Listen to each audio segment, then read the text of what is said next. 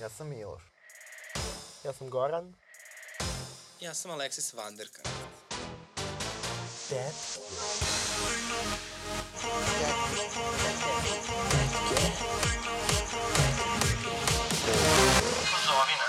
Ukoliko ste doživjeli nasilje ili diskriminaciju motivisanu homofobijom ili transfobijom, možete prijaviti na www.dasezna.lgbt. Popunjavanje upitnika je potpuno anonimno, ali ukoliko ostavite svoju mail adresu, tim da se znaće vam ponuditi psihološku i pravnu podršku. Zdravo, slušate desetu jubilarnu epizodu Tetki, moje ime je Miloš, sa mnom su Aleksis i Gora. Dobro veče. Dobro veče svima. A, izvinjam se mnogo što nisam bio u poslednjoj epizodi, ali vredelo je. Pa ne znam šta je vredilo 50.000 evra koliko koštaju penali za propuštenu epizodu, ali okej, okay, tvoj, tvoje pare, tvoj problem. Bile ste sjajne, bile ste sjajne i ovaj rent na početku uh, je bio totalno zaslužen, mada nisam baš očekivao i u opisu ove epizode da se pomenem, ali okej, okay, vidio sam Kad da... te šejmujemo, da te šejmujemo do kraja. Tako je, bukvalno. Uh, mislim, ali ja, Ne ako, misliš da smo, ako misliš da smo bile sjajne, možda je to znak da tetke treba da budu duo. Lepo znati da sam vam nedostajao. Šalim se, Miki, ti ćeš uvek biti deo našeg trojstva. E, Lepo znati da sam vam toliko nedostajao da ste to morale i audio i tekstualno da ispratite. Možda da ste i uradili neki gif. Da. Okej. Wow, to mi je super. Bukvalno, wow, to mi je super. Ove, e sad, ono što smo mi uh, napravili kao presedan u uh, prethodnoj epizodi jeste kako smo odabrali bravo ličnost, pošto nismo imali neparan broj tetki ove, uh, koji bi nam pomogao da ove, odredimo ko će od nominovanih biti bravo ličnost, mi smo odlučili da pitamo publiku. Ove, I publika je rekla svoje. Uh, nominovani su bili ove, ona legendica sa prve televizije koja je uh, izjavila na uh, pitanje da li je za vraćanje obaveznog vojnog roka, ona izja, o, ta legendica izjavila ne, ne, ne, ja sam homoseksualac. ove, a druga nominovana je bila Dolly Parton koja nam je dala vakcinu, moderninu na duše, koja i dalje nije dostupna u Srbiji, ali nema veze, dala je ovom svetu vakcinu, time što je donirala, čini mi se, milion dolara za istraživanje ove, te vakcine i vakcina je sada tu. Um, to smo, planirali smo inače Imali smo u planu da ono biranje bravo ličnosti uh, možda ono ostavimo za publiku i dalje, ali Čekaj, izvini, milion dolara je samo trebalo za vakcinu. A ne, ona je donirala Ona milion dolara, a koliko je trebalo, ne znam, traži finan, finansijski izveštaj. Bukvalno, mislim, ne, ne znam šta ti kažem, Miki. Ove, I sve u svemu, e, mi smo imali nekakve silne planove za ovu epizodu i da, ono, promenimo način kako biramo bravo ličnosti, da, ove, koje će teme. Ali čekaj, nisi rekao ko je bravo ličnost. E da, bravo, bravo ličnost je ove, ova legendica sa prve, vi ste na Insta, u Instagram anketi ove, a, narod je odlučio i to Ubedljivo. ubedljivo. Koliko ubedljivo. posto? 80. A čije je to? Pa moj, naravno. Aha. Pa ja sam žena iz naroda, Goran je iz Žarkova. A, tako da, naravno da će da pobedi mišljenje žene iz naroda. Kao, A ko živi u Žarku ako ne narod? Pa, Žarkovljani. Žarkovci se kaže. Žarkovci. Žarkovci. Žarkovci su nove elite Beograda, ne znam šta da ti kažem. Ono, krug dvojke se proširuje na Žarkovo. Jesu, uskoro ćete početi da opisujete decu u školice. U kakve škole? Mislim na Šmiku Aleksića. Dobro, ovaj deo ćemo... A, dobro, ćemo kad ti si neko novi vračar, pa ćemo, znači tu novi vračar... Ćemo, smo rekli da ćemo da Pa dobro znam, ali bilo što ovo je nekako bilo loše. Ovo je došlo kao pedofilija stiže na žarko. Uh, pa samo da ne zastranite kao vračar, eto tako bih rekla, ovaj, da, da budete kulturni i fini, ali na šta ipak, ne znam, ni Zvezdara nije loša. Pa sve zavisi koji deo Zvezdare. Zvezdara je i uh, Mirjevo, a Zvezdara je i Vukov spomin. Boga mi, ja ću od uskoro ko početi da branim ovaj, za jednu godinu dana i boje Višničke banje. To je spali lule. To pripada pali lule. pa dobro, Hot je predsednik opštine, tako da... Ok. Ove, sve u svemu, mi smo imali toliko kao ideje za ono kao kako će tetke nastaviti dalje. Što se tiče odabira bravo ličnosti, što se tiče, imali smo i plan za ovu epizodu, međutim, Ove, ova epizoda će ipak biti uh, jedan vid presedana, jedan vid specijalne epizode i uh, tetke neće biti tako zabavne koliko su bile koliko su bile ranije, zato što se dogodio jedan slučaj koji je bukvalno potresao celu Srbiju. U pitanju je slučaj Miroslava Aleksića i njegovih seksualnih prestupa u, okviru svoje škole glume. Ja ne bih rekla da nećemo biti, dobro, nećemo definitivno biti zabavni, ali mislim da je epizoda jako zanimljiva i važna. Naravno, naravno. I nekako volim da naglasim da uh, mi ovde o ovome razgovaramo kao tri muškarca, Tako je. svi su šokirani.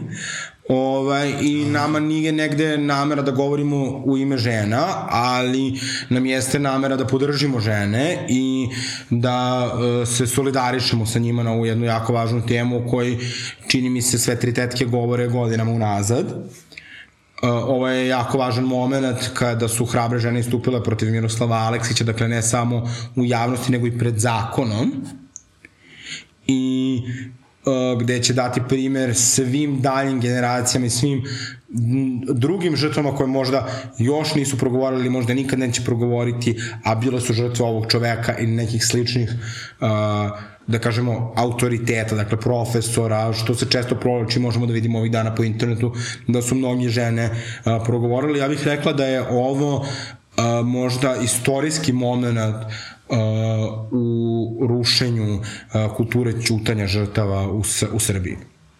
Tako je i mislim da je dobro ovo što si pomenula Aleksis da e, o, ovo savezništvo između e, cis žena i ovaj LGBT zajednice je jako relevantno jer ono što sam ja neko moje lično iskustvo a mislim i mnogih drugih gejeva jeste da smo uvek bili podržani od strane svojih drugarica od mnogih svojih drugarica i prijateljica i e, nalazili mnogo više razumevanja nego od muškaraca generalno ovaj straight muškaraca O, tako da mi je potpuno logično da i mi nekako ovde odigramo sada neku ulogu u reflektovanju čitavog ovog slučaja i možda ponudimo neku kao gej perspektivu. Ali ja bih samo uh, ja bih samo izdvojio to da uh, nije ovo nikakav rezultat nekakve kao sad trampe sa cis ženama, pa sad kao vi ste podržali nas, pa ćemo mi sad vas. Mm. Mi ćemo bezrezervno podržati svako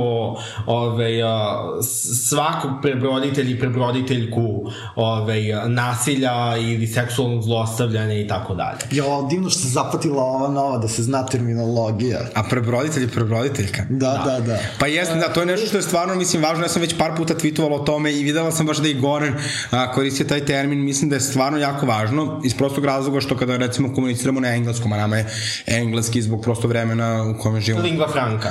Ovaj, a, se za žrtve kaže survivors, ne samo victims, jer iz prostog razloga kada se vi borite protiv vašeg nasilnika i zlostavljača, vi niste samo žrtve, nego ste i, i to kao više od, mnogo više od toga, samim tim da se zna, pošto se bavi žrtvama i imao želju, zapravo da ovde možda više Milošev kredit i kredit našeg dragog kolegi Nikole Planevića, uh, i prosto prebroditelj i prebroditeljka. Možda nam sada i dalje malo ponekad zvuči rogobotno, ali mislim da za godinu dana, dve, tri godine će to biti dosta, dosta uraženije i mislim da je to veliki omaž svim žrtvama koji se javljaju ne samo i koji su se borili ne samo preko da se zna, nego i preko svih drugih organizacija ili koji su vodile svoje samostalne borbe ovaj, sa, sa, sa nasilnicima i nasiljem. Da, sad, e, ja možda nisam relevantan u smislu ove, kao... Bok si ti si tetka, ti si uvek relevantan.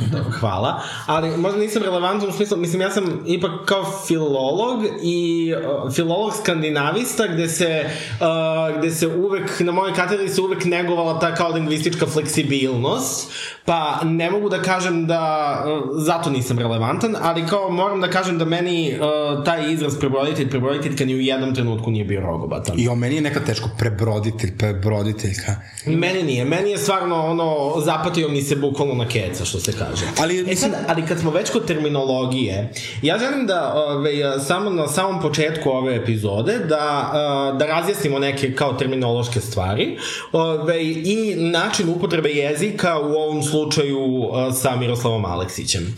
Ove, prvo, mi smo odlučili da Miroslava Aleksića ne zovemo Mika Aleksić, zato što smatramo da je Mika Aleksić nekakva, nekakav vid tepanja.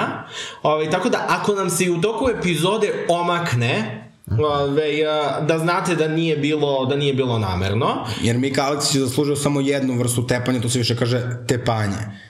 Da, razume se. Uh, sve samo ako nam se omakne da uh, referišemo na njega kao, uh, kao Miku Aleksića, to je zato što je u medijima apsolutno svuda se koristi Mika Aleksić. Ove, Sad bi bilo možda dobro da, ajde, za slučaj da neko nije možda u potpunosti upoznat sa temom ili da sluša ovo za pet ili deset godina, ovaj, zna, dakle, da u posljednjih sedam nekih dana, dakle, sada mi snimamo emisiju sedam dana pre nego što će ona izaći, ovaj, eh, je eh, se pojavilo čini mi se šest devojaka za sada koje su progovorile o seksualnom zlostavljanju, tačnije silovanju eh, Miroslava Aleksića koje on počinio svojim učenicama škole glume. E, reci. E, I isto, pre nego što nastavimo dalje, isto sam hteo terminološku stvar A, izvini, molim. da kažem. Ove, a, u medijima se forsira taj narativ a, čuvena škola Mike Aleksića, ove, čuveni pedagog, čuveni profesor. A, mi želimo prvo da se ogradimo od te terminologije da je on čuven. Znači, On je jedino možda bude čuveni silovati. mislim, bukvalno no comment. Tako da, ovaj, tu terminologiju da je on čuven po bilo čemu, nećemo koristiti. Ove, I isto nećemo ga zvati profesorom, niti pedagogom, zvaćemo ga Miroslav Aleksić. Miroslav Aleksić, eventualno najtehničkije moguće učitelj glume. Učitelj glume u privatnoj školi. Nastavlja Aleksić. E sad, htela sam samo da kažem, dakle, Miroslav Aleksić je optužen uh, da je silovao uh, nekoliko devojaka, čini mi se da je sada njih šest. Uh, prva je istupila Milena Radulović, a potom Iva Ilinčić. Ovaj, obe, znači, čini mi se da Milena ima 25, uh, Iva ima uh, 23 godine ili 21. Uh, najmlađa devojka ima 17 godina i koliko sam ja razumela, ona je i pokrenula čitavu ovu priču.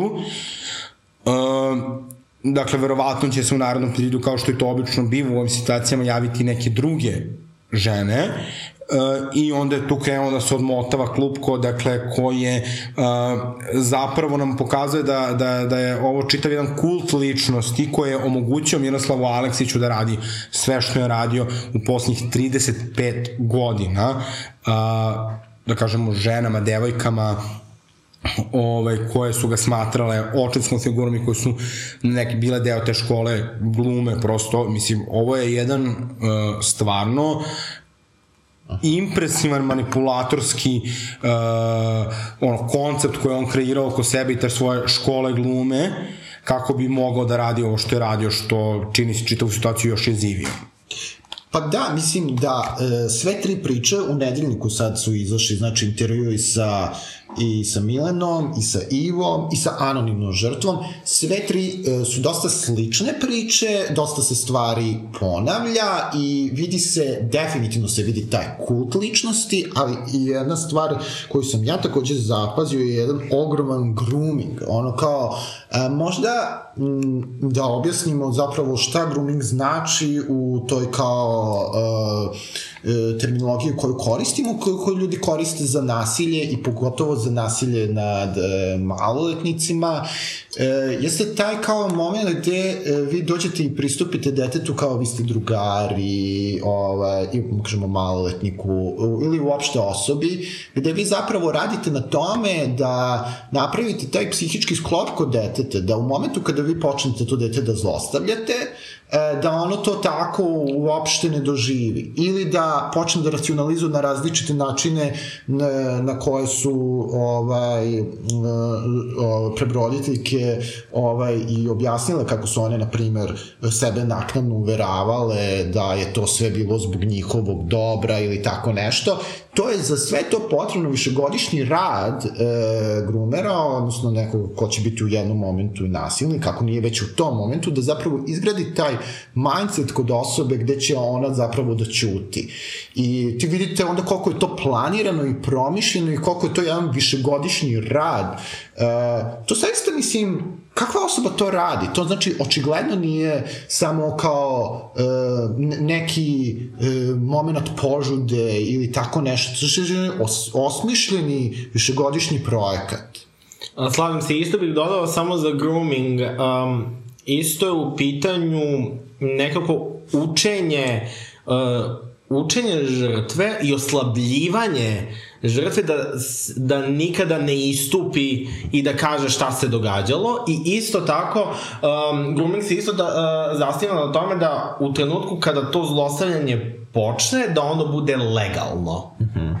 Ove, tako da, na primjer, uh, imate groomer u principu pa da kažem da iskoristim izgleda regrutuju decu, ovaj, ta, uh, i privikavaju ih, ono, potpuno ih psihološki oblikuju, da bi na kraju, kada ta deca više ne budu deca, da mogu da imaju nekakve, ono, nekak, nekako, ono, kao, seksualno uzmiravanja ili kao polno opštenja sa njima. I jako je bitno isto terminološka stvar da ne kažemo da je to seks. Aha. Da Da, ovaj... nekako sačuvamo seks uh, za dobrovoljne seksualne Tako je. odnose. Znaš li, uh, šta... Je to neko od nas iskoristio sada ili... I... Ne, ne, nego Aha. samo kao disclaimer. Pa da, to, to, to je dobar ovaj, uh, disclaimer. Znaš li, uh, o čemu razmišljam? A, takođe ima dosta, uh, aj kažemo, nenamernog groominga uh, koji roditelji uh, prave svoje deci insistirajući, na primer, na tome da ono, recimo, treba da poljubi babu iako je ne voli ili da uh, sedne deki u Ali ne moraš, ali a, ako ti nekoga ne želiš da poljubiš, to ne znači da ga ti ne voliš, nego da ne želiš u datom momentu da nekoga poljubiš. To je, dakle, vođenje računa o svom telesnom integritetu. Što mi da, kao generacije nismo uh, uopšte ni bile, u, bili učeni I mi, čini mi se da to jeste dosta veliki problem. Uh, dakle, ne samo po pitanju to poljubi babu, sedi dedi u krilo, poljubi Peru, Miku, Žiku, ono, ba, baba na ulici zaustavlja uh, majku sa decom da mu poljubi stopalo. Uh, ja sam, recimo, to čula od dosta žena koje, svoje drugarica koje imaju decu, da neke random babe ljube deci ono, stopala po ulici. Uh, znači, postoji neki drugi način da se iskaže nežnost i taj neki negujući odnos prema deci, bez da ih mi teramo da oni uh, uh, ne uvažavaju sobstveni telesni integritet. A na kraju krajeva deca se nekim godinama sama nauče šta znači neki nežan odnos sa babom, dedom. Ja sam uvek volao da zagrlim babu, dedu i, i, i tako dalje, ali deca na to ne treba da budu učena. Ali isto tako, ja to ne bih nazvao groomingom, niti nenamernim groomingom. Ove, ja bih to nekako nazvao nedostatkom svesti o telesnom integritetu. Kažem da je to nenamerni grooming zato što e, efekat je vrlo sličan. Znači, bez e, obzira šta su namere roditelja, one stvarno nisu tako proračunate ili Niti tako... treba kriviti roditelje, jer e, prosto on, oni su samo deo, ono, to, to, to prosto mi nismo imali takvu kulturu. De, te, ti si odgovoran za njega i odgovor, tvoja dužnost je da misliš. Znači, ti na neki način moraš ipak da razumeš da e, ti insistirajući na tim praksama, zapravo efekat je vrlo sličan. Znači, šta se dešava? Poljubi babu jer ti je donala čokoladu. Znači, dete nauči da mora da ponekad stisne zube i da pretrpi neki telesni kontakt sa nekom starijom osobom koju on želi. I onda imaš bukvalno, posle 10 godina, kontakt sa Miroslavom Aleksićem i tebi se vrati taj obrazac. Okej, okay, Miroslav Aleksić će me, znači, čokolada, znači, čokolada je sada neka audicija gde ću ja dobiti ulogu, ok, i sad ja moram da poljubim, razumeš, Miroslava dedu. Aleksića, dedu, bukvalno, on ima, čovek sada ima 68 godina, e, znači, on je 60-godišnjak, znači, koji je silovao, e, ono, maloletnice, znači, tinejdžerke, Znači, razumeš, ovaj, e, obrazac je dosta uh, je, sličan. Da, ali znaš šta je stvar, zato što nas roditelji vaspitavaju da su silovatelji oni tipovi koji drkaju u školskom dvorištu. A nisu... Jesu. jesu, ali uh, nisu, uh, ne, neki su mnogo bolje upakovani od toga. Naravno, I to je ono što je problem. I zato moramo da razumemo, ja recimo čak mogu da razumem kao svoje iskustvo kao gej muškarca, svom odnosu svojim drugaricama, gde kao, uh, koje, ajde da kažem, je drugačije nego što je između straight muškarca i devojke, uh, gde su to bile, tu bile greške. Mislim da nije strašno da se sada svi osvrnemo i vidimo gde smo grešili, Uh, samo, jel možda se lupo što pričam? Ne, ja mislim da je to odlično što... Jer moramo da razumemo uh, gde smo svi kao, znači ne moramo nikoga da se upire prstom, ali moramo da budemo svesni to, ok, nas su naši roditelji možda nešto nisu dovoljno dobro vaspitali. Ne moramo do toga da upiremo prstom u njih. Postoje kulture koje je važno da eliminišemo, jer su mizogine pre svega, i jer generalno su ono anti-telesni integritet. Ja sam imao tu privilegiju da imam drugarice koje su mi kao to kao ko, ko su me šalili. Sam imao roditelji, ja sećam u toj eri kada negde, mislim, četvrti, peti razred, kada dečaci krenu da pipkuju devojčice. Meni su i mama i tata stali i rekli kao, E, znaš šta, mi, kao, mi smo na roditeljskom se pričao o tome. Da li si to radio? To ne možeš da radiš devojčicama, to se ne radi, to su tvoje drugarice, ti njih moraš da poštuješ i ne možeš nikome, dobro sad ne znam da baš tako duboko išli, ali onda kao ti njega shvatiš da ne možeš ni svoju drugaricu, e, ni, niti bilo koga da, da, da, da tako uznemiravaš. Ali postoje roditelji koji i dan danas čini mi se to pravda. Ja sećam, evo, moja drugarica, recimo jedna, meni kaže, pa to, kao ja sam bila najveća devojčica, ja sam mogla dečacima da vratim i ja sam bila tako, je bila inicijalno problematizovana na roditeljskom sastanku od strane roditelja dečaka. Jedna moja drugarica, uh, poznanica, napisala juče status, uh, gde se isto tako desilo da nju dečko pipnuo i uh, razredni, ona ga je pretukla. I razni starešin je rekao, ti dobiješ šukor uh, zato što si agresivna, a ti dobiješ šukor zato što te pretukla devojčica. Jo, bože. E, I onda mi, e, ali ajde malo... I taj isti njen razni starešina je kasnije dobio otkaz zbog seksualnog uznemiravanja učenica. Pa mislim. Ali, znate, ja kad krenem da vraćam film, kao, to je uvek postojalo. Ali kao, ove, uh, ali to što je ove, uh, taj razredni starešina dobio na kraju ove, uh, dobio na kraju otkaz zbog seksualnog uznemi- uznemiravanja učenice, to, i dalje, mislim, jeste to povezano, ali jako je bitno, to je uh, jako uvrežen stav kao uh, to, ti ćeš dobiti ukor zato što Ove, ti ćeš dobiti ukor zato što si je ove, zato što si je pipao, a ti ćeš dobiti ukor zato što te devojka pretukla. To je jako uvržen stav i kod ljudi koji nemaju nikakvu istoriju seksualnog, seksualnog zlostavljanja. Mm -hmm. I to je jako veliki problem. Ali ajde kao malo da pričamo o tome da o, to su, ovo, znači, Miroslav Aleksić, taj profesor, to su kao neki prosvetni radnici, kao neko ko kao treba da bude uzor, model, ono, mislim, ne, ne kažem ovaj tvoj Ali ja mislim da je tu i da jeste početan problem, zato što se mi stalno čekamo kao da se, znači mi imamo ovde klasično, na primjer, jednog kulta ličnosti uh -huh. koji se ne preispituje, to, to o, o, o, same žrtve navode, a kasnije ljudi koji su išli u školu, koga oni mnogo vole, brane od svojih roditelja, niko ne sme ništa njima loše da kaže o Miroslavu Aleksiću, I oni ga brane, ono, na, na život i smrt, svi koji kažu protiv njega su nepredstavni, njima objašnjava da im roditelji nisu prijatelji, da ih roditelji ne poštuju. E, mislim, e, mene se to posjeća na jedan drugi, ono, isto ovakav lič, e, odnos, a to su oni neki vernici prema Srpskoj pravoslavnoj crkvi koji nikada ne prihvataju nikakvu kritiku. Ja mislim da je vrlo važno da postoji taj moment, vaspitanja. ti možeš nekoga da voliš i time što ga kritikuješ, ti ne prestaješ da ga voliš mm -hmm. i nisi mu neprijatelj, naprotiv, možeš da mu želiš dobro. I niko, ne, niko u našoj glavi, ona kaže mi nismo imali nikakav kritički stav, on je nama rušio samopouzdanje, on je nama negirao postojanje ženskog samopouzdanja, samim tim smo mi sve njegove stavove prihvatali bez pitanja.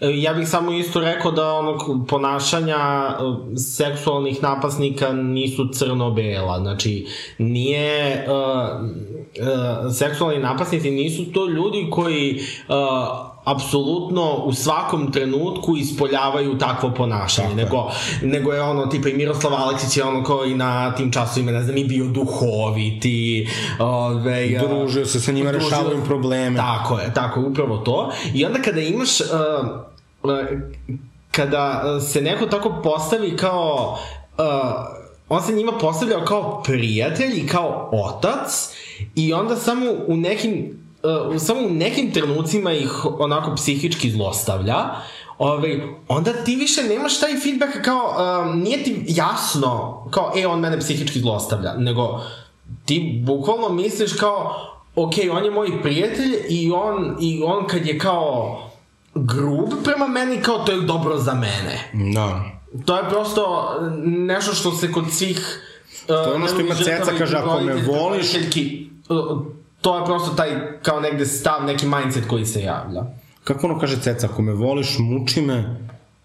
Mm, po svakoj suzi tuci me. Ne, to su dve različite pesme. Uh, ne, mislim da se misli na pesmu Tanje Savić. Ono, Tanje Savić, jesam. Da budem loša uči me. E, tako nešto. I mislim, imate one snimke onda koji su isplivali, znači to su postojale neke crvene zastavice koje su upravo bile kao zaštićene tom pričom o pedagogiji, autoritetu, šta je najbolje za decu, da on njima, znači na televiziji kaže ti si ti glup, e, nekom dečku viče zašto je debe, oni sad svi pričaju, čak je Radmila Živković, e, čini mi se rekla da je udario njenu čerku e, prutom preko prstiju i da je ona tad ispisala čerku, znači pritom je on njima zabranjivao da govore roditeljima šta se dešava, jer je to bio neki njihov prostor i ti se osjećao posebnim što si deo toga i to nekako stvarno meni, sad kad gledam neke druge situacije uh, koje su isto imale nesrećne krajeve, uh, delo je kao paten, znači da ti ljude natraže da se osjećaju posebno što su u tom okruženju, i da ih onda neko natraža taj čitav horor ni ne šaraju sa drugima, jer to onda ruši tu i tu iluziju. I ja moram samo da kažem, pa nije ono, te crvene zastavice koje su se pojavljivale u snimcima, ove, imate na YouTube-u snimke, ono, različite gde to on svašta priča deci. Da, da, da. O, te crvene zastavice, to sada kao što, ove, što bi Jovana Joksimović u svojoj emisiji rekla naknadna pamet. Ove, to većina ljudi, da se nije ovo dogodilo, ne bi uopšte posmatrali kao bilo kakve crvene zastavice, da se razumemo. Uh, to, i ne bih rekao samo da je... Um, ali zato što su te stvari tada bile normalizovane. Upravo to. Zato što upravo to, uh, to, je neki, to je neki peh nekih prethodnih generacija, gde su se strogoća uh, i, i, i, to kao neko zlostavljanje romantizovali kao nešto što je dobro za ljudi. Da, da, uvek imate, kad, kada se neki kao, neki autoritet ponaša jako problematično i kada vas psihički zlostavlja, vi uvek imate to, tu romantizaciju kao, a, stara garda profesora, kod njega se muva nije čula, on je imao svoje metode, a te metode su bukvalno psihopatske. Mi smo imali neku profesorku koju su zvali Sneža Smrt, ona je predavala istoriju, ona je bila toliko stroga prema nama. Ona je, znači ono bila katastrofa. Znači ja sećam, ona je mene jednom povukla za zuluf i udarila. Onda sam ja to rekao mami. I onda je moja mama došla u školu, ono kao imala veliki okrčaj sa njom.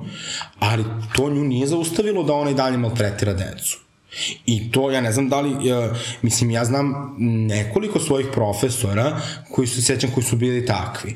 A ja danas ne mogu da zamislim uh, da ti uh, fizički nasrneš na, na svoje ili tuđe dete tek tako?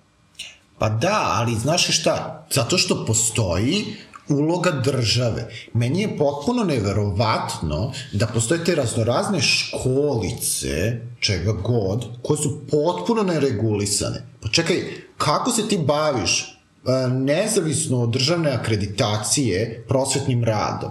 Znači, koliko ja znam, privatni fakulteti moraju takođe da... Ali to nije fakultet, to je kao privatna škola, kao bilo koja privatna škola glume. Kao... ali možda bi bilo dobro da se ne guliš, ja, to je možda... Znači... Kao bilo koja, ne znam, privatna škola stranih jezika. Mislim, one nemaju nekakve akreditacije, samo Pa neke imaju. Za mene je e, skandal... Pa da... ne znam, ono kao, ja sam, ja sam filolog i sarađivao sam sa privatnim školama jezika, ne znam koja privatna škola jezika ima akreditacije. Ali zašto? Možda nekakvi zvanični instituti, ali kao to je to. Ali kontaš, zašto? Mm -hmm. Možda zapravo bi mogli da se kaže neki minimalni standardi, ono kao nema oče naš e, na početku časa. Ne govorimo o nekim standardima koje moraju da zadovolje recimo državni fakulteti, državne škole u onom smislu kao e, e, ne znam ni ja kako to danas... Šta vi se u školi recimo niste molili pre početka časova?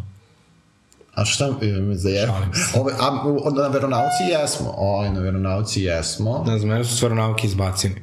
Ja se, na primjer, na veronauci nisam krstio, ovaj, sam prisustvovao tamo, jer si ti zarobljen. I to je, na primjer, isto jedno kršenje, a, ne znam nija, a, koja autonomije, sigurno ne telesne, ali a, psihičke, jeste da zarobiš decu u, znači oni izaberu prvog razreda srednje, da će da idu na veronauku ili građansku i onda moraju do kraja. Ja si mogla da se svičuješ. Kod nas nije. Da bi ja bih samo vratio, da. uh, vratio bih fokus na, ove, na ovaj slučaj i uh, Ali sve to jeste fokus. Religije. Ove, um, Uh, upravo i kad uh, neki, ja mislim da i kad neki roditelj možda i vidi nekakve crvene zastavice, odmah to kao, mm, oče naš na kao početku predavanja, o, odmah ih to ono kao ubedi u, kao, a pa dobro, on je ipak vernik i zato dobar čovek. Ali to je često, uh, to je često vera se koristi kao štit mm. za neke stvari. Dakle, ne kažemo da, su, da to zvaži za sve vernike, pošto vidim da se to tako tumačilo kad je to rekla Brankica Stanković na Twitteru i onda su, mislim, nešto to, ono, strašno ljudi linčovali. Ne, nego govorimo da ljudi zloupotrebljavaju stvari, Upravo svesno to. ili ne. Religija ne sme i ne može da bude izgovor uh, za, za maltretiranje. Pritom, ja ne znam kako sad, znači to malo da potumačem, to se malo uh, onako absurdno, znači to se smatralo nekakvom, e, ono, kao građanskom, kao, ono, građanska elita tamo stala svoju decu, A onda su se, Kakva mislim, tamo moljakali, pa tamo nije bilo nikakve ono, deca iz nekih ono, polica da su ateisti, da su muslimani, pa je, da su je... neki budisti, da se ne znam, Hara Krišna. Pa čekaj, je moguće da naša građanska elita šalje svoju decu kod čoveka koji ženama objašnjava da žensko samopouzdanje ne postoji, koji ih tera da se mole na času, koji krši njihovu autonomiju u smislu odevanja, pazi, to su budući... Da, oni njih terao da nose suknje, da. dečaki, dečavojčice, a dečake da nose košulje i, pan, i cipel. Najniži primitivizam. Znači, ali znaš što mislim? Da, a mene to uopšte ne čudi, mislim, ono kao naša, kao ta građanska elita ili kako god da je nazovimo, ovaj, popularno na internetu se zovu pristojniti, ovaj, oni su bukvalno Mislim, to su bukvalno ljudi koji on su uh, zarobljeni u nekakvim formama bez suštine. Da, i mislim da to kao očajnička želja da pripadaš, sad ne, ne kažemo da to opet znači za sve ove roditelje, na, ali ima to da, da pripadaš nečemu i onda ti to kao ne prispituješ i samo želiš da bude da tvoje dete tu upadne. Ja mogu, znaš, ja mogu da zamislim decu ko su želeli da u školu glume. Ja sam uh, glumila kad sam bila mala i u kulturnom centru uh, i kasnije u školskoj dramskoj sekciji uh, i u školi, i osnovnoj i tako dalje. I to je stvarno nešto jako zabavno, interesantno, što je neki tvoj, ono, popuno, drugi svet kao i bilo šta drugo što treniraš ili voliš, ali ni, ni, to, danas postoji to guranje dece. Ja sam recimo jednom bila pre par godina na jednom rođendanu, šestom ili sedmom, i ja sam bila zgranuta. Znači, ta moja drugarica super, ono, liberalna mama, svi studenci, je okej, okay, džak, ništa pretorano, ono, ni, ni dobar, ništa, ali jedno strava dete, koje je mnogo lep rezon i tako dalje ali ovako ja sećam tih majki koje bukvalno ovako sede dok se deca u drugoj sobi, znači deca se tamo tuku ko će da igra igrice, na, znači na, na, na, na Sonju, na rođendanu su samo dve devojčice, od kojih je jedna sestra, koje bukvalno sede i slušaju na telefonu metaliku, znači imaju šest godina, a ovi dečaci igraju nekog tipa Spidermana i tu se makljaju ko će da uzme joystick od Sonija, a majke ovamo sede i pričaju kako tipa, ne znam, ova ide a, a, svakog vikenda na prirodno-matematički fakultet na matematičke radionice, ova ide a, u školu za programiranje klikerija, ova ide ovamo voliko i kao da postoji neko takmičenje, dakle, nije kao moja deca imaju interesovanje za to i to, nego moja deca to i to, i kao, i one se međusobno takmiče decom, uh a, onda ja pričam sa nekim detetom koji je kao jedini dečak koji ne, se ne bori za taj son i ja ga pitam kao šta i kako, on kaže da njemu tata ne dozvoljava da gleda crtane filmove da igra igrice, Uh -huh. a, znači, Znači, ti ne znaš šta je tu gore od čega. Znači... A dobro, ali to su sad ono, to je malo sad šira tema i ono, koliko, uh, koliko roditelji guraju, uh, guraju decu na sve žive van nastavne aktivnosti iz više razloga.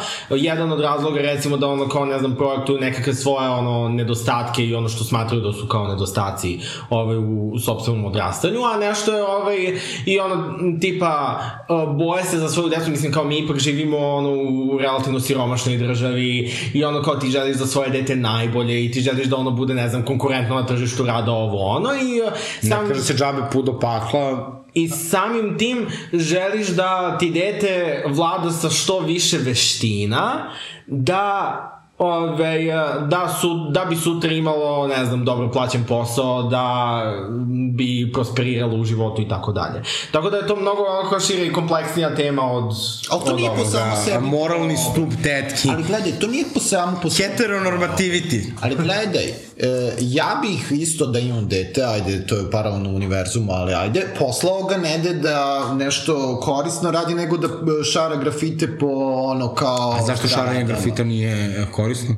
Ne, pa, e, pa nije, mislim. Pa ne znam, ti od šaranja grafita možeš da napraviš nekakvu vrstu umetnosti, mislim. Da, na primer, ali onda znači to mu svakako treba neki mentor i tako to. Znači, u svakom slučaju, znači, Ali ne mora sve da se radi sa nekim ogromnim ciljem. Znači, ja kad sam bila mala, ja sam volila da mesim. Ja neki ja napravi testu i ono mesim, to testo tamo akam po sa- dan. neka- neka Na samo kraju neki ga odem u nekakvu- kupatilo pa ga pomešam sa vodom. Ne, pa, pa- neka samo dete ima nekakvu aktivnost koja ga zanima. E, to je, to je svega suština. Dakle, ti možeš deci da neke edukativne stvari a, prikažeš kao zabave. Znači, meni su, recimo, i, i to je kao potpuno realistično. Ja sam, recimo, za šesti rođendan tražila Bibliju. I kao, možda si bio sam stvarno hoćeš Bibliju? Kao, da. Dobro. I kao dobila Bibliju i kao iščitala ono 365 priča Biblija za decu i iščitala to sve mi je to bilo uber ono interesovalo kao su se zezali kao ja on će da bude pop bla bla bla ali kao deca treba da imaju svoje interesovanje i ne treba da imaju zabranjene stvari i ne treba kao dobro znaš ne treba sa deci ne znam da daš da idu na dark web da gledaju ono leševe Ne, ali to je razlik, klasna razlika. Znači, srednja klasa ume da isprati preferencije svoje dece kroz institucionalnu podršku u smislu tvoje dete se interesuje za glumu, pošalješ ga u školicu, tvoje dete se interesuje za e, Bibliju, pošalješ ga ne znam ni ja gde, ima para da plati. Radnička klasa, kao, tvoje dete se e, interesuje za crtanje, nećeš ti... Kod nas je sve to postalo besplatno Gde je to? u kulturnom centru Leskovac? da Pa eto, jedan... I radionice za stripove i glumačka radionica. Imali su mi tu neku teta Borkicu koja kaže kao Jao, Aleksandre, što ti je lepa ta fascikla, bi mogla tvoja mama da kupi za mene.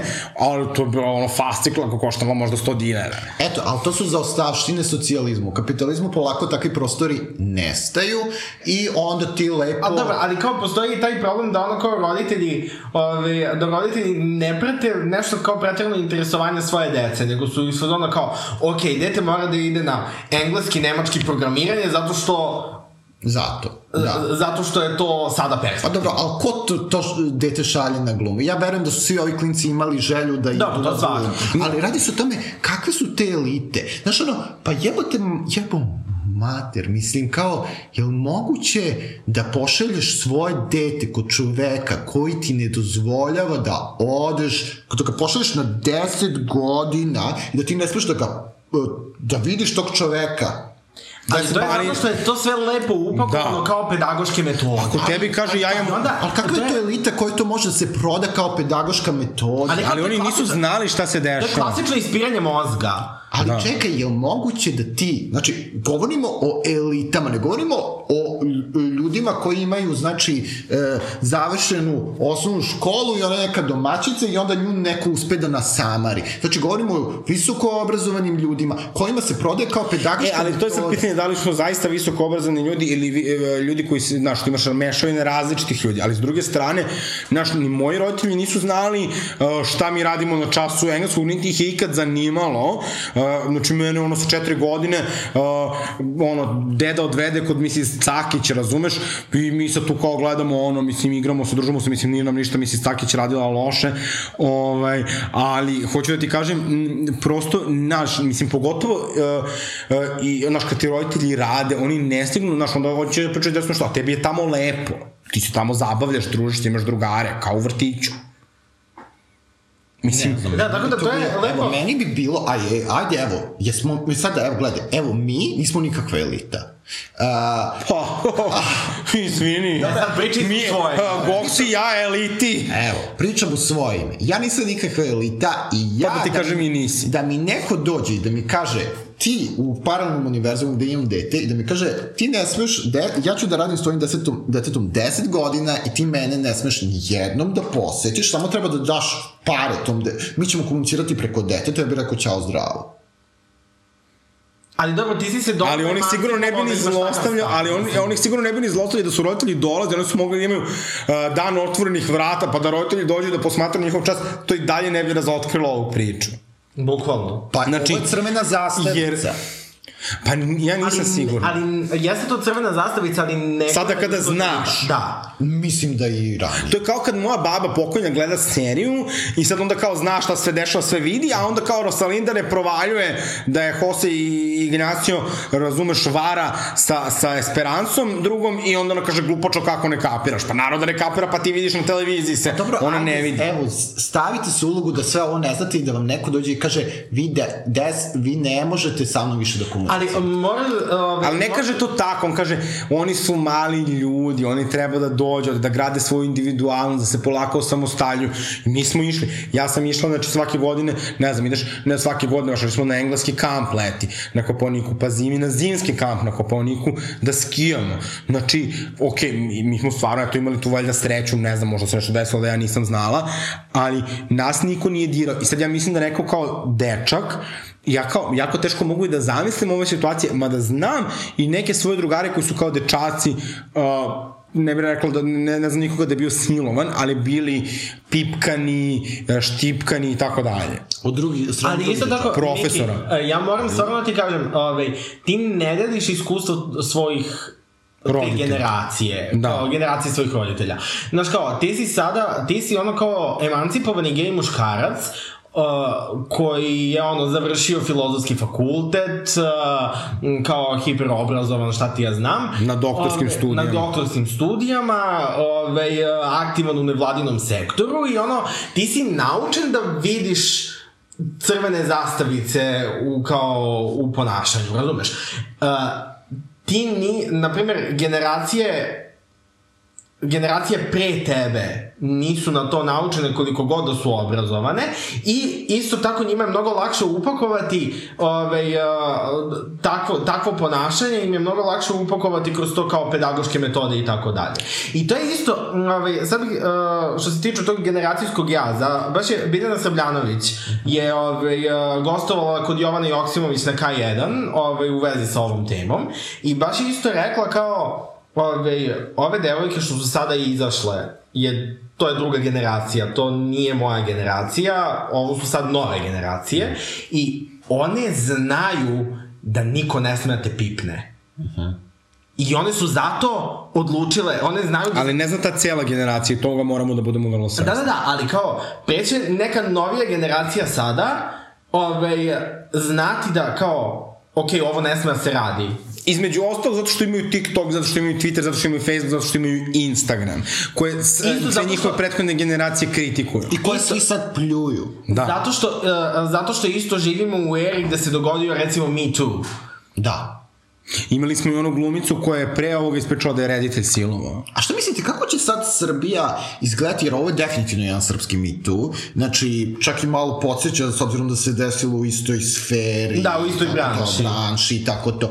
E, jel će sad da se desi, mi možemo da očekujemo da je ovo nešto što će napraviti jedan veliki... Ali već se dešava, već se dešavaju neke, ja sam videla, e, verovatno i gore na Twitteru, na Instagramu, a, da se takođe prikupljaju, da se okupljaju devojke koje su imale slične iskustva sa profesorima na fakultetima mahom e, i skupljaju se da zajedno prijavljuju te profesore. Čini mi se radi o nekom profesoru sa filozofskog jednog, Uh, ne, mislim da je profesor sa filološkog. sa, fi, eto, sa filološkog. Sa katedre za bibliotekarstvo. E, ovaj, i, i ima još nekih, znači vidjet ćemo šta će se dešavati po tom pitanju, ali, dakle, nešto se dešava i mislim da je to strašno važno. Puno otvora, ljudima je dovoljno da kad kao, kao imaju zeleno sve to da šeruju tu priču, svoju priču za početak, da mogu da krenu da rade na svojoj traumi. Neki od tih ljudi su umrli koji su njih zlostavljali, mislim kao, uh, tako da kao u tom smislu pravde više nema, ali ono što je najvažnije jeste Da da, te žene mogu da, da, da ispričaju, da konačno kao mogu da se relatuju s tim, jer kao tome se uh, ranije čutalo i kad su se dešavali neki slučaje, oni su bili usamljeni, a ovde postoje šabloni. Ja ne znam da li, evo, opet, da li u, u, u vašim školama uvek postoje taj neki profesor za kog se pričalo da voli devojčicama da gleda u dupe. Da, da. Uh, I to je kao, bilo su bile kao neke javne tajne. Nije važno da li je to realno, su deca smislila da bi bilo zabavnije. Važno je da to, to neko mora da obrati pažnju prvi put kad čuje tako nešto deteta. Tu se priča završava i kao, mislim da, da čak i Lady Gaga jedna su priča o tome, mora da se veruje deci. Ja isto tako znam osobu koja je komšija silovao kada je bila mala, koja je rekla roditeljima i roditelji nisu verovali. Svakog četvrtka od 18 do 20 časova na www.dasezna.lgbt možete razgovarati sa psihologom. Razgovori su se odvijaju u vidu četa i potpuno su anonimni. A Zato što... film, Koji? o, Koji? pa jedan, e, sad mi stao mozak, ali po, čitava poanta filma jeste kako je Klinka slagala. Gone Girl. Ne, A ne, to je onaj film sa, ja mislim, Matsom Mikkelsenom. a, danski. Da, da, da, da. Da, Ne, kako ne. Ha, Hunter, nešto, ne, nije Hunter. O, ne znam. Ne, nisam gledala, e, nisam gledala takav film, ali hoću da kažem, problem je što se deci ne veruje. I neko je jako dobro poentirao na Twitteru. Uh, radije ću da ispadnem budala što sam uh, verovala uh, žrtvi nego što sam verovala silovatelju. Ž, uh, odnosno što sam verovala nekome ko je slagao da je silovan, nego nekome ko je slagao da nije silovan. Tako, sad malo... Pa, ali meni je to tako teško reći. Šta sad znači? Mislim, Mislim, šta sad, o, o, razumem, razumem šta Miki hoće da kaže. Da. Ove, sad kao... Hunt se zove film, zar ne? Jel da? Pa čekaj, ja se čujem. Znam da postoji na danskom jakten, Jahten, da. ja, ali ne znam da li je to ta radnja. Ove, znam, Ali ako bi meni, ako vama dođe neko, mislim, kogod i poželan sam tako nešto i toj osobi treba da pružite podršku i da verujete. Naravno, Zato je naravno. i važno, znaš, ono sad se posljedno i mnogo važnije pitanje, to je kako da, da od danas sve ranjive ljude i sve ljude zaštitimo, znači pre svega naravno žene, pre svega decu i sve druge ranjive grupe od seksualnog zlostavljanja. Pa tako što ćemo da krenemo da pričamo javno i non stop o telesnom integritetu, o tome šta deci neko ne sme da uradi. Deca moraju to da znaju. To toga ne treba da se beži kao što se histerisalo oko toga kad je se krenulo da se uvodi seksualno obrazovanje. Znači, deca mora da znaju, deca nisu glupa. Mi smo za seks znali sa 6-7 godina, ali nismo znali šta je neko sme i ne sme da nam uradi. To nismo znali. Evo, film se zove The Hunt. Da, jakten. Uh, Jakten uh, radi se u Danskoj gde glumi ovaj što glumi Hannibala ovaj i on je Mads Mikkelsen. da i on je nepravedno optužen uh, za kao seksualno zlostavljanje neke devojčice i čitavo selo se tamo obruši na njega Dobro. i nakaze mu maltene živo da bi se na kraju ispostavilo da je uh, Klinka sve izmislila Uh, prosto ja nisam uh, ja bih voleo da ipak razumemo da je da se ovde radi o krivičnim delima i da održimo naše institucionalne mehanizme pravne države. Ali Sad niko ne, ja ne, ne predlažem, ja ne predlažem da mi palimo ljude, niti bilo šta, znači samo predlažem da se podrže ljudi kada nešto kažu i da postoji sistem koji će da se potrudi da dokaže, jer nije svako seksualno zlostavljanje i uznemiravanje, ono što je rekla Jelena Veljača, svi hoće tu kao idealnu žrtvu, znači Da, koja da, da, dođe, da. a, bila silovana, ona je pre toga najbolje bila nevina, znači nikad nosila je,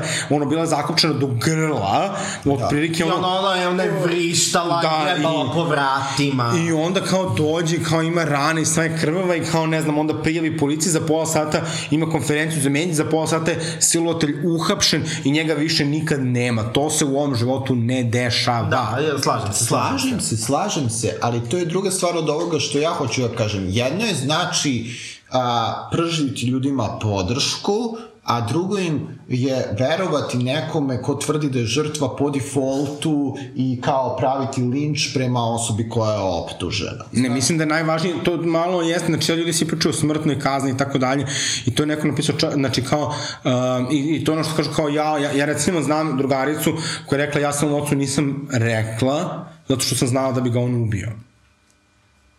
Da, ove, A ali, moraju ljudi da... Da, šta reći za te ljude? Mo, za koje ljude? Meni Za te ljude koji se zagovaraju smrtnu kaznu za bilo koga i koji kao se Pa ljudi ne da znaju, zato što ljudi ne znaju da usmere svoj bes. Ja mislim da mi u ovom trenutku je jako važno da sav svoj bes, svu ljutnju koju osjećamo na društvu, na ljude oko sebe, na, na te sve usmerimo na podršku pre svega žrtvama i da, da sačekamo, da ja se nadam da mislim ovde, uh, da će pravosuđe ovo shvatiti vrlo ozbiljno, Ne, ja verujem da Miroslav Aleksić, znači, ove... pa ne, ovoliko je žena da, mislim, To je stvarno, ako bi ovo bilo kao neka Gone Girl varija, ali ovo je kao neki, pazi, znači to bi onda moralo da bude kao neki grupni Gone Girl, gde su one sad kao sve to smislile, to bi potpuno bilo preludo. Naravno, naravno. Preludo. Ja potpuno verujem da, Da, se... ja da se verujem, mislim, ali ne možemo mi sada da zado, zagovaramo smrtnu kaznu protiv bilo koga. Ali smrtna kazna nema nikakve veze sa verovanjem. E, znam, Ne, ali kažem- čak i da kažemo, znači,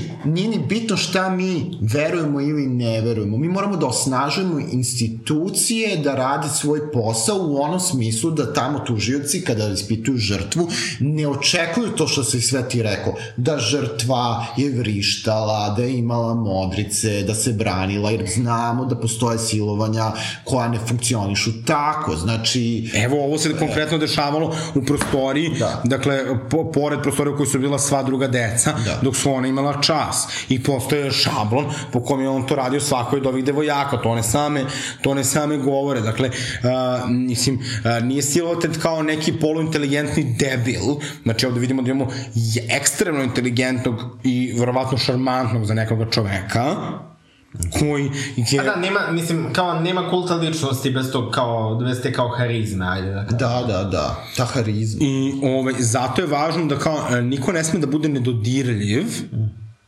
Mislim da je to vrlo važno, jer puno puta u mom životu, e, dakle, e, kad sam ja htela da kritikujem neke ljude koje sam, sa koje sam smatrala da ne rade dobre stvari, bilo da je to bilo u mojoj porodici, bilo da je to bilo, su bili neki profesori, neki različite autoriteti, meni s- se kao to kao spočitavalo kao, znaš, kao da su neki ljudi nedodirljivi u smislu kao da ne smeš da ih kritikuješ i preispituješ da to nije okej, da nije fair, da je ružno s tvoje strane. Da. I zato je važno da roditelji veruju deci. Ja mislim da, da je to važno, da se deci, obja- objasni šta je njihov telesni integritet. Niko ne mora da kaže, da sad pokaže deci ono snimak silovanja, nego da kaže, e, ono, Niko ne sme te pipne. bebice, niko ne sme te pipne protiv tvoje volje, tvoje telo je jako, jako važno, znaš, ono, ne ulaziš u kolnici, kim- koliko god da nekoga voliš, ne moraš nikada da ga zagrliš, da ga poljubiš, niti, niti, niti bilo šta drugo. I mislim da deca, ljudi prave od decu, de, od dece debile, ali deca nisu ni malo glupa. Slažem se, slažem. I, ali im treba podrška i treba im da, da, da, da, da znaju da od svojih roditelja imaju veliko poverenje. I možda čak i to, znate, recimo, meni je najveća osoba najveće poverenja bila moja baka koja me uvek tretirala kao uh, drugačije od odnosnih kao ona, od, od, od, od ostalih autoriteta u mom životu, tako što nikad nije vikala na mene, nikad nije bila stroga, uvek je bila vrlo negujuća, uvek smo svemu razgovarali otvoreno. Recimo, jedan isto veliki mi da tebi pa, da je meni palo poverenje kod roditelja je bila uh, kad, sam, kad je trebalo da dobijem prvi put anesteziju za operaciju, meni su svi govorili kao da je živaš crtani film. I jedan me baka nije lagala. I tad sam imala šest godina. I kao posle toga ti se kao dosta toga promeni. Kogod, ja ne želim da moji roditelji su meni hteli najbolje, ali taj šok koji sam ja doživjela kad sam rekla, a, pa ja bi prvo kao Yogi Bear pa malo sirenu, a on ti neko zarije i gletinu u, u rame ili gde već, a, je kao ogromno rušenje poverenja, pa ti kažu injekcija neće da boli. Meni baka kaže, boleće te, ali moraš da je primiš. I ja je primim. Me- Meni je ovaj slučaj generalno... Sam previše pričala o sebi sam.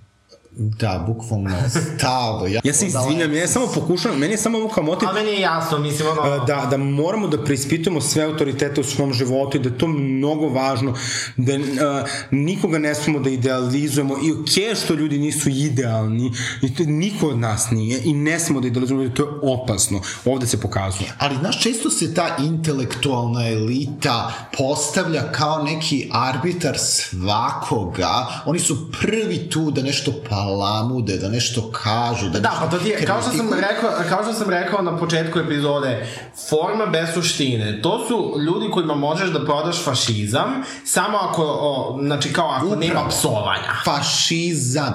Hannah Arendt, gledao sam jedan snimak gde je pričala kako su sve njene kolege, znate Hannah Arendt, ona je filo, poznata filozofkinja jevrej. Iskreno ne znam ko je Da, Hannah da. Arendt. Ali dobro. Ona Što bi rekla Maca diskrecija za Nikolu Teslu i Einsteina, a jesu oni možda čuli za mene. Hannah Arendt sigurno nije čula za tetke jer je mrtva sada, ali... E. On je kao bizaran splet okolnosti. Kao... ali, znači, poenta je, poznata jevrika e, filozofkinja emigrirala u Ameriku e, tokom drugog svjetskog rata srećom, preživela. U svakom slučaju, opisala je ta, to iskustvo njeno, kako su svi samo ono, kad su nacisti došli na vlast, samo počeli da izbegavaju na fakultetu. Razumeš? I mi govorimo o najvećim in, intelektualci. To je najveći ološ. Znači, govorimo Dobro, ali o jednom svi. smetlarniku društva, e, koji se ispostavlja kao stalno imaju nešto da kažu. Ljudi, pogledajte se. Miroslav da- Aleksić je vaša vaše lice. Ali imaš i drugo, jedno drugo lice, izvinite, elite. Evo, recimo sad, kao, mislim, mi stalno, naravno, moramo, jer nama Biljana Srbljanović plaća po 50 evra za svako pominjanje, ali Biljana Srbljanović, koja je ovde zauzela jednu jako dobru poziciju, koja je napisala jako dobar autorski tekst i koja će uvek biti saveznica uh, uh, tim devojkama i sad kao mogu nju ljudi da zameraju neke druge stvari, ali Biljana Srbljanović nikada nije imala, čini mi se, ni jednu nedodirljivu osobu u svojim tekstovima, pa čak i sebe ume da sprda, ovaj, vrlo, vrlo često. A onda recimo imate Slobu Georgijeva, ko je tu nešto krenuo i ona kako se zove, ona što je vodila vesti na Pinku svoje vremeno, Tanja Jordović, i on, pa se posle prejač kad je videla... Tatjana Jorda. E, Tako nekako, znači... Jorda ili Jorda, nije bitno. Mm, bukvalno nije ni bitno, koji kao to, kao krenu nešto kao nešto da oni da preispituju. I vidi, uh, znači, ajde kao malo, sad kao iskudare, pogledaj situaciju sa strane, pa vidi da bar, bar napraviš neki ukusan komentar, ili nemoj da napraviš nikakav komentar, ali Biljana Srbljanović Uh, fantastično ume da zauzme poziciju kad nastane ovako neka gungula i mislim da ona zapravo možda ta neka prava elita koja ume da ljude navede na razmišljanje, koja ume da zauzme stav koji možda nije popularan, ali će dobro da ga argumentuje i ne morate sa njom uvek da se složite, ali kao ne možete da osporite da ona ima stav u onom pravom smislu.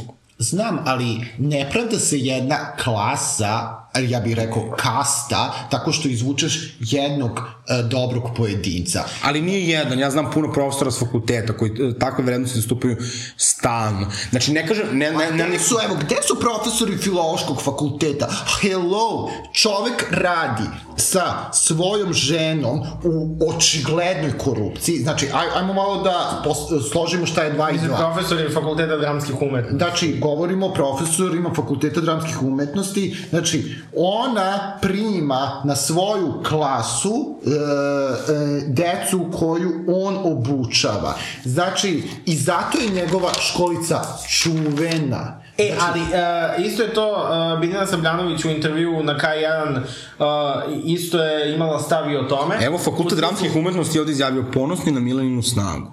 Dobro, ali uh, A jeste samo li da, samo da ponosni na kažem, korupciju koju dozvoljavate već godina? Jel, To je mogu tačno. samo da kažem? Naravno. Ovaj, Um, Biljana Sabljanović je baš uh, rekla nije, uh, nije Miroslav Aleksić protežirao svoje studente, nego je o, uh, svoje učenike iz te škole, nego je on bukvalno od malih nogu birao najbolje. I nisu, znači, uh, znači ti učenici su reklama za njega. A izvini, kako mi to znamo? Ako tvoja žena njih prima na klasu, znači, o tome se radi. Dobro, na primer, Definitivno je da postoje, da postoji previše priča o Ma FDU. ona treba da leti, ona treba da leti. Sa Pa dobro, ali se to tako po defaultu, mislim, morala bi neki staviti se dokaž da ona bila da udata za monstruma, ne, ne, ne, ne znači... Ne, ali samo to, da nisi nikakav monstrum. Da Nisu one sve bile kod njena u klasi. komisiju. A, recimo, onaj glumac Pele je isto rekao da su neke devojke sa njegove klase njemu došle i rekli da su prošle kroz isto. Znači,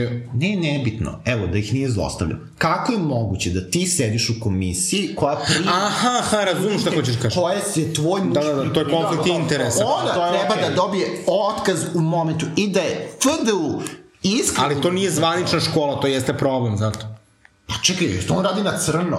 Ne, ne znam, ali hoću ti Ne, kažem, ali kao- ne postoji ništa gde možeš ti legalno da se uhvatiš da kažeš to je konflikt Čekaj, kako? Ali kao- ali pazi, Jesu ti prošle ne- zvanično, jer ti, te, to sve funkcioniše na crno. Ali oni kažu, on njih sprema za glumu, oni kao oni glume, oni su... Da, on sprema idu- za glumu, nju, njih koji dođu na njen primi i ona ih primi na grupu za glumu uz kod sebe. Pa ja stvarno ne znam šta... Ali mislim da to jeste jedan veliki, ja se sećam još dok sam, uh, dakle, bila klinka, kao razmišljao sam o tome da upišem FDU, mi su govorili, ja, ostavi se toga, kao na FDU se uvek upada preko veze. Može to da bude neki mit, ne mora, ali znamo da toga ima dosta, da toga ima dosta i definitivno nešto što je možda, bar moglo da se dovede u pitanje Upravo. A to se nikad Da, pa ne generalno na umetničkim fakultetima, mislim, ja znam primjera sa muzičke akademije. Gde se daje, daje novac. Jeste to, znači, a, moji prijatelji koji su ja- jako Ja mogu talentovani, samo da kažem primjer sa muzičke akademije, pošto imam dosta prijatelja sa muzičke akademije, jer sam, išao sam u srednju muzičku i onda kao, oni su svi kao poupisivali nešto na tu foru. Ove, Mislim, nešto na tu foru u smislu nekakav umetnički fakultet, ono, da li ovde, da li u inostranstvu, ovo, ono. I ono, kao, pouzdano znam da postoji korupcija na muzičkoj akademiji, gde ti, uh, kao, odeš, na primjer, ako si, ne, ako si na instrumentalnom oceku, I sad, recimo, da sviraš, ove, recimo, sviraš vi, violinu, ajde da kažemo. Ove, I sada, na muzičkoj akademiji ti imaš, ove, ti odmah znaš koji profesor te godine prima klasu i ti pre prijemnog odeš kod njega da te presluša. I to je okej. Okay da se razumem. Mm -hmm. Znači, jednostavno tako stvari funkcioniš. To je takva procedura. Uh, I sad na, tom, na tim konsultacijama, poenta tih konsultacija je da ti taj profesor kaže šta treba da popraviš, na čemu treba da radiš i tako dalje. Ono što se događa, deo sa korupcijom, ono što se događa jeste da profesor kaže ok, sve je ovo u redu, treba par stvari da se popravi i onda ti ponudi privatne časove. Taj isti profesor koji će te primiti na, na uh, FMU. Ove, potrebni su privatni časovi i onda ono naplati jedan čas 50 evra i ti i to isto nije garancija da ćeš ti da prođeš. Ali je to garancija da će te oni uzeti u opticaj. Da. I da će onda sa svakim časom, da, bliže. Ali to postoji, inači to je ti profesor koji te sprema jako- za primni ti kaže, e, tebi će trebati toliko i toliko para da upadneš recimo na fakultet primenjenih umetnosti. Uh, dakle, ja sam uh, te preže čuo puno puta svojih prijatelja koji su jako talentovani umetnici i oni nisu imali izbora, jer njima je bio san da upadnu tu. Naravno, naravno. I, uh, znači, to je tvoj životni poziv, toliko važan izbor. I sad ti još neko kao što roditelj to razume da tako stvari funkcionišu, jer u ovoj zemlji kad hoćeš nešto završiš, nosiš čokoladu, boks cigara i tako dalje i tako dalje. I svi smo deo tog problema. I ne samo to, e, isto postoji, što se tiče umetničkih fakulteta, priroda, uh, uh, priroda toga što se izučava na umetničkim fakultetima, da. kao ti ne možeš egzaktno da oceniš, kao, ti svaku umetnost možeš egzaktno da oceniš do neke mere. Ali ne možeš potpuno, ne možeš ti da sad kao daš prijemni, kao unificirani prijemni gde ti sad kao imaš ključ i gde ti po tom ključu pratiš kao ko je najbolji, ko ne. I zbog toga je jako važno da se zabrani ljudima koji rade u prosveti u državnim, znači institucijama, znači kao na univerzitetu koji je državni, da drže posle privatne časove, ako smatrate da niste dovoljno plaćeni, idite da neki ljudi privatni univerzitet gde ćete biti više plaćeni. Ovoliko država može da vam plati. Ne možete, niti Ili tražite veće plate. niti vaši, da, ili kroz sindikate tražite veće plate, ali niti vi, niti vaši srodnici ne možete da držite privatne časove i onda se svi godinama pravite ludim i da na kraju ne adresirate to kada svi vide Znači, zašto ova e, žena i dalje radi na FDU? To je moje pitanje. Vidno iz revoltera Miloša. Da. Mislim da iz ovoga možemo da zaključimo da, da prosto ovo je jedan čitav sistem Dakle, mi smo ovde mapirali jednu osobu, postojeće još puno ljudi, moramo da budemo spremni da saslušamo um, nove žrtve i da, da, da, da budu spremni za neke nove monstrume i to je stvarno užasno. E, mislim, e, i, i, i vrlo šokantno da neko ko toliko voli, ljudi voli, poštuje, ceni, može zapravo da bude nešto popuno drugo. Jer nikad ne znaš ko će se otkriti da će biti ta osoba. Da. Jer zapravo treba da se naviknemo na to da su zapravo to. Silovatelji nisu neki ljudi iz žbuna, silovatelji su to. Tate, nastavnici, komšije, prijatelji, kumovi. Znači, Neko u koga imaš poverenje. da. I kao, to već se predugo zna. To čak, mislim, to zna... Ali da sa druge strane mislim da je ovo fantastično kao što sam i, i rekla prilika da moramo da prisjetamo i sebe koje su naše uloge u tim sistemima. Uh, znači od tih, što kažem, popravljanja ocena, nošenja čokolade boksova cigareta, uh, radnici na šalteru na fakultetu da bi vam pomogla uh, da uh, upišete isvica sata vremena zakašnjenja da je odobrovoljite. Uh, I silnim nekim glupostima, mislim da svi treba da napravimo jedan napor da budemo, da, da, da krenemo jedan pravedni sistem, a sa druge strane, naravno, najvažniji svega je poruka ove emisije bih volao da bude da podržimo žrtve i da, da im pomognemo da se osnaže, da se uzdignu, uh, da, da, da, da, da, da, da, da, pro, Da prebrode. da prebrode sve to što im se desilo. Jasno. Jer uh, mnoge, nažalost, žene koje su bile hrabre pre njih, nisu imale podršku. I bile su učutkane. i bile su učutkivane i tako dalje i tako dalje. I mislim da, da je to n- najvažnije kao što, što i kao to ono što sam već rekla niko ne sme da bude nedodirljiv i niko ne sme nije idealan. I ja bih samo isto dodao za kraj, ove, nadam se da će ovaj slučaj biti jedna onako jedna onako mikrorevolucija i da neće samo ceo slučaj da se ono kao za par godina zaboravi. Kao što je to vrlo često ono kao simptom našeg društva, da samo kao zaboravimo sve i kao nastavimo po starom.